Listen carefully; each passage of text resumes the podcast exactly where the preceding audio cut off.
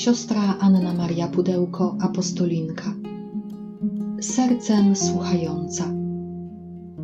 Komentarz do niedzielnej liturgii słowa.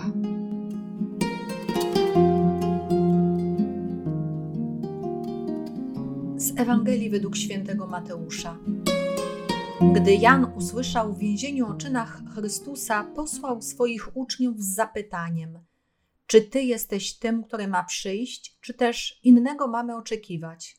Jezus im odpowiedział: Idźcie i oznajmijcie Janowi to, co słyszycie i na co patrzycie. Niewidomi wzrok odzyskują, chromi chodzą, trędowaci zostają oczyszczeni, głusi słyszą, umarli zmartwychwstają. Ubogim głosi się Ewangelię, a błogosławiony jest ten, kto nie zwątpi we mnie. Gdy oni odchodzili, Jezus zaczął mówić do tłumów o Janie. Co wyszliście obejrzeć na pustyni? Trzcinę kołyszącą się na wietrze? Ale co wyszliście zobaczyć? Człowieka w miękkie szaty ubranego? Oto w domach królewskich są ci, którzy miękkie szaty noszą. Po co więc wyszliście? Zobaczyć proroka? Tak, powiadam wam nawet więcej niż proroka. On jest tym, o którym napisano: Oto ja posyłam mego wysłańca przed tobą, aby przygotował ci drogę. Zaprawdę powiadam wam, między narodzonymi z niewiast nie powstał większy od Jana Chrzciciela, lecz najmniejszy w Królestwie Niebieskim większy jest niż on. Trzecia niedziela Adwentu to niedziela radości, niedziela gaudete. Radujcie się, bo Pan jest blisko, radujmy się, bo Pan jest blisko. Mamy przepiękny fragment Ewangelii według świętego Mateusza. Jest on bardzo inspirujący, bo z jednej strony w Adwencie słyszymy, że Jan zapowiada przyjście Jezusa. Jan daje świadectwo o Jezusie. Ten, który jest głosem wołającym na pustyni, przygotowuje drogę słowu. I dzisiaj widzimy, że Jan, który jest uwięziony, przechodzi swoje trudne momenty, swój kryzys, swoją ciemną noc. Ale Jan ma odwagę pytać: Czy ty jesteś tym, który ma przyjść, czy też innego mamy oczekiwać? I moglibyśmy się pytać: najważniejszy człowiek Starego Testamentu, ten, który przygotowuje drogę Mesjaszowi, ten, który był tak pewien, kiedy wskazywał na Jezusa, teraz sam ma wątpliwości. I to jest bardzo dobry znak. Dlaczego? Dlatego, że Bóg jest tak tajemniczy, jest tak radykalnie inny od tego, jak my go postrzegamy, doświadczamy, poznajemy. I Jan też czuje się zaskoczony tym, kim jest Jezus. Ale najpiękniejsze jest to, że z tym pytaniem idzie do Jezusa. I my możemy mieć bardzo podobne doświadczenie jak Jan. Wydaje się nam, że już Boga w jakiś sposób poznaliśmy, że już tyle lat z Nim wędrujemy, i nagle coś się wydarza, coś nas zaskakuje, coś nas wytrąca z naszej pewności. I w tych momentach właśnie tak ogromnie ważne jest, żeby z tymi pytaniami odnośnie Jezusa, Boga, wiary iść właśnie do Niego.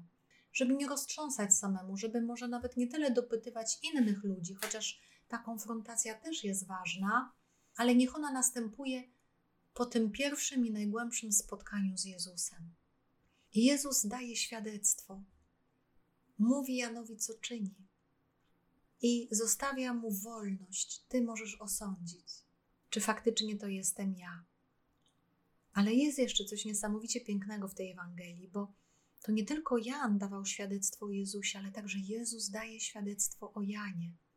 I także Jezus pyta lud, co wyszliście obejrzeć na pustyni, co wyszliście zobaczyć. Po co więc wyszliście? Jakie mocne pytania. Adwent to jest czas, kiedy my stawiamy pytania Bogu, ale Adwent to jest też czas, abyśmy usłyszeli pytania, które Bóg nam stawia. I Jezus mówi: Nie, nie wyszliście zobaczyć ani trzciny kołyszącej się na wietrze, ani człowieka ubranego w miękkie szaty. Wyszliście zobaczyć proroka, nawet więcej niż proroka. Między narodzonymi z niewiast nie powstał większy od Jana Chrzciciela a jednocześnie, mówi Jezus, najmniejszy w Królestwie Niebieskim większy jest niż On. Czyli od czasów Jana, od czasów Jezusa, każdy z nas, idący za Jezusem, jest bardziej prorokiem, jest bardziej kapłanem, jest bardziej królem, bo przez zasługi życia, męki, śmierci, zmartwychwstania Jezusa otrzymujemy to nowe życie, to nowe jestestwo. I w czasie tego adwentu, który właściwie już jest po połowie, który będzie już zmierzał do, do swojej mety, z jednej strony jesteśmy zaproszeni do tego, żeby świadczyć o Jezusie, ale z drugiej strony też, abyśmy byli pewni, że Jezus każdemu i każdej z nas daje świadectwo.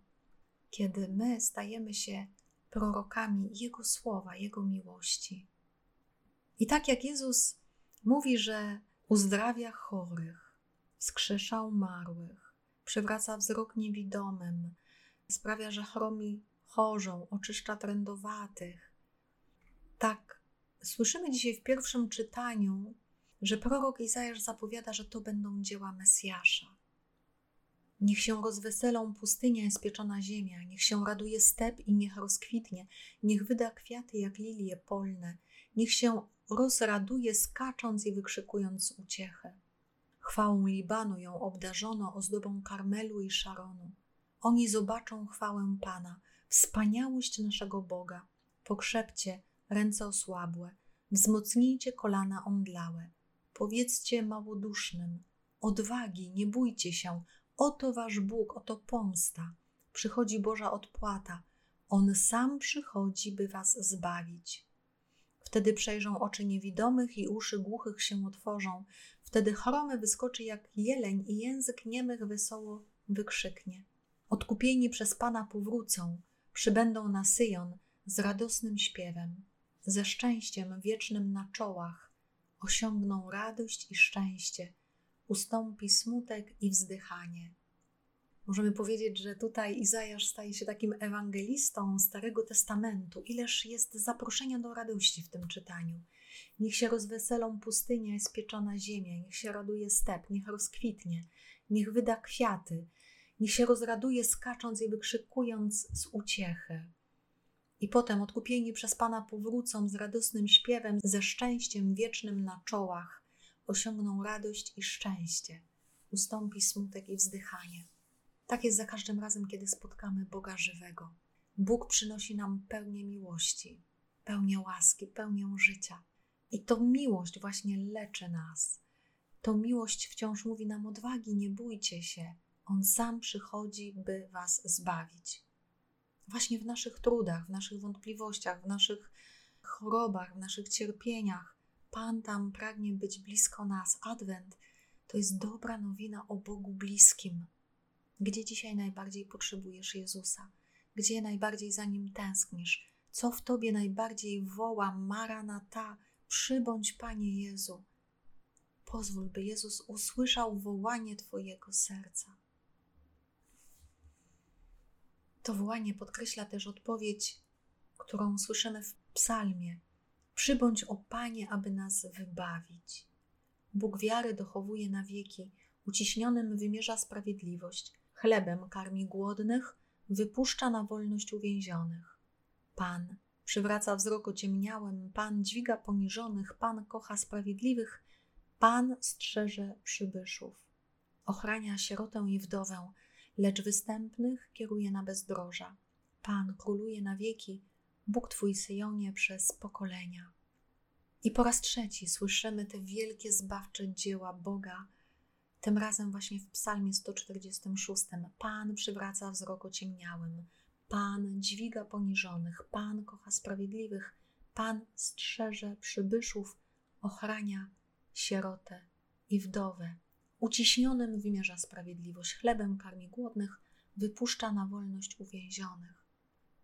Dzieła Boga, dzieła miłości. Czy ja zauważam, co Bóg czyni dla mnie w tym adwencie? co się wydarzyło już przez te dwa tygodnie, które upłynęły. Czy potrafię zauważyć to, ucieszyć się, rozradować się tym i podziękować? A jeśli jeszcze nie do końca widzę działanie Boga w moim życiu, to warto, wsłuchując się w drugie czytanie, otworzyć nasze serce na cierpliwość, bo obietnica Pana jest pewna. Mówi nam święty Jakub Apostoł. Trwajcie cierpliwie, bracia, aż do przyjścia Pana. Oto rolnik czeka wytrwale na cenny plon ziemi, dopóki nie spadnie deszcz wczesny i późny. Tak i wy bądźcie cierpliwi i umacniajcie serca wasze, bo przyjście Pana jest już bliskie. Nie uskarżajcie się, bracia, jeden na drugiego, byście nie popadli pod sąd. Oto sędzia stoi przed drzwiami. Za przykład wytrwałości i cierpliwości weźcie bracia proroków, którzy przemawiali w imię Pańskie. Prorocy nie mieli łatwego zadania, ani w Starym, ani w Nowym Testamencie. Mówili często do ludzi o bardzo opornych sercach. Więc ta cierpliwość musiała być ogromna, kiedy mówili, nawoływali do nawrócenia, głosili słowa, które usłyszeli od Pana i widzieli, że lud nie otwiera serc na głos Pana i coraz bardziej się zatraca. Więc ta cierpliwość proroków, którzy z jednej strony ufają mocy słowa Boga, ufają Jego obietnicy, a z drugiej strony oczekują i nie tracą nadziei, Jakub Apostoł życzy nam, by stała się także naszym udziałem. Trwajcie cierpliwie, bracia, aż do przyjścia Pana. I porównuje to nasze oczekiwanie do oczekiwania rolnika. Rolnik wiedział, że musi przyjść deszcz jesienny, musi przyjść deszcz wiosenny, żeby zboże mogło wyrosnąć. I my też, aby przynosić owoce duchowe, owoce świętości, potrzebujemy Bożego miłosierdzia, Bożej łaski, potrzebujemy czasu, potrzebujemy procesu. Cierpliwość to charakterystyka tych, którzy potrafią kochać. Nie na darmo święty Paweł w pierwszym liście do Koryntian, w rozdziale 13, tak zaczyna swój hymn o miłości. Miłość cierpliwa jest. I zanim zaczniemy mówić o tym, że potrzebujemy cierpliwości do innych w naszym życiu, to tak naprawdę najpierw potrzebujemy ogromnej cierpliwości do samych siebie, żeby się sobą nie zgorszyć, nie zniechęcić, nie znudzić, żeby właśnie być cierpliwym i wciąż na nowo podejmować nawrócenie. Tak jak Bóg jest cierpliwy wobec nas. Ile lat się spowiadamy, ile lat czynimy postanowienia adwentowe, ile lat czynimy postanowienia noworoczne ile rzeczy już Bogu obiecaliśmy, a ile udało nam się zrealizować. A Bóg dalej w nas wierzy, a Bóg dalej nam ufa i dalej z cierpliwością przeogromną czeka na nas. Więc i my bądźmy cierpliwi i oczekujmy Jego przyjścia i Jego działania, bo jest pewne, że przyjdzie, aby obdarzyć nas zbawczą miłością i głęboko rozradować swoją łaską nasze serca.